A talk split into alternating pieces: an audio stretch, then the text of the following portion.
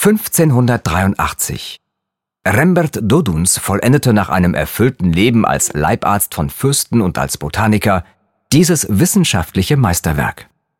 Er war zu diesem Zeitpunkt bereits 65 Jahre alt und starb zwei Jahre später.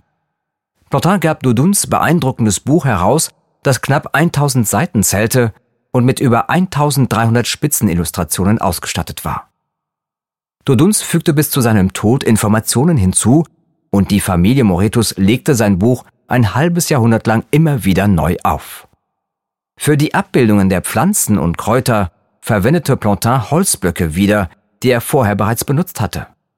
Die Bücher waren aber trotzdem sehr teuer, und das vor allem, wenn die Illustrationen eingefärbt worden waren. Das musste nämlich mit der Hand geschehen. Plantin engagierte für diese Illustrationen die besten Künstler seiner Zeit. Der Aufwand lohnte sich. Trotz des hohen Preises konnte der Antwerpner Verleger mit seinen hochwertigen Büchern über Pflanzen und Kräuter überall auf der Welt große Erfolge verbuchen. Sie können in diesem Saal noch zwei weitere wichtige Botaniker entdecken. Carolus Clusius und Matthias Lobelius. Beide waren genau wie Doduns Ärzte.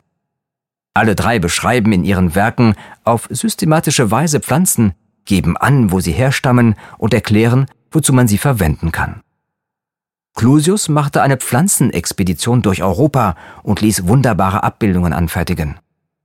Lobelius verfeinerte die Einteilung bzw. die Klassifizierung der Pflanzen.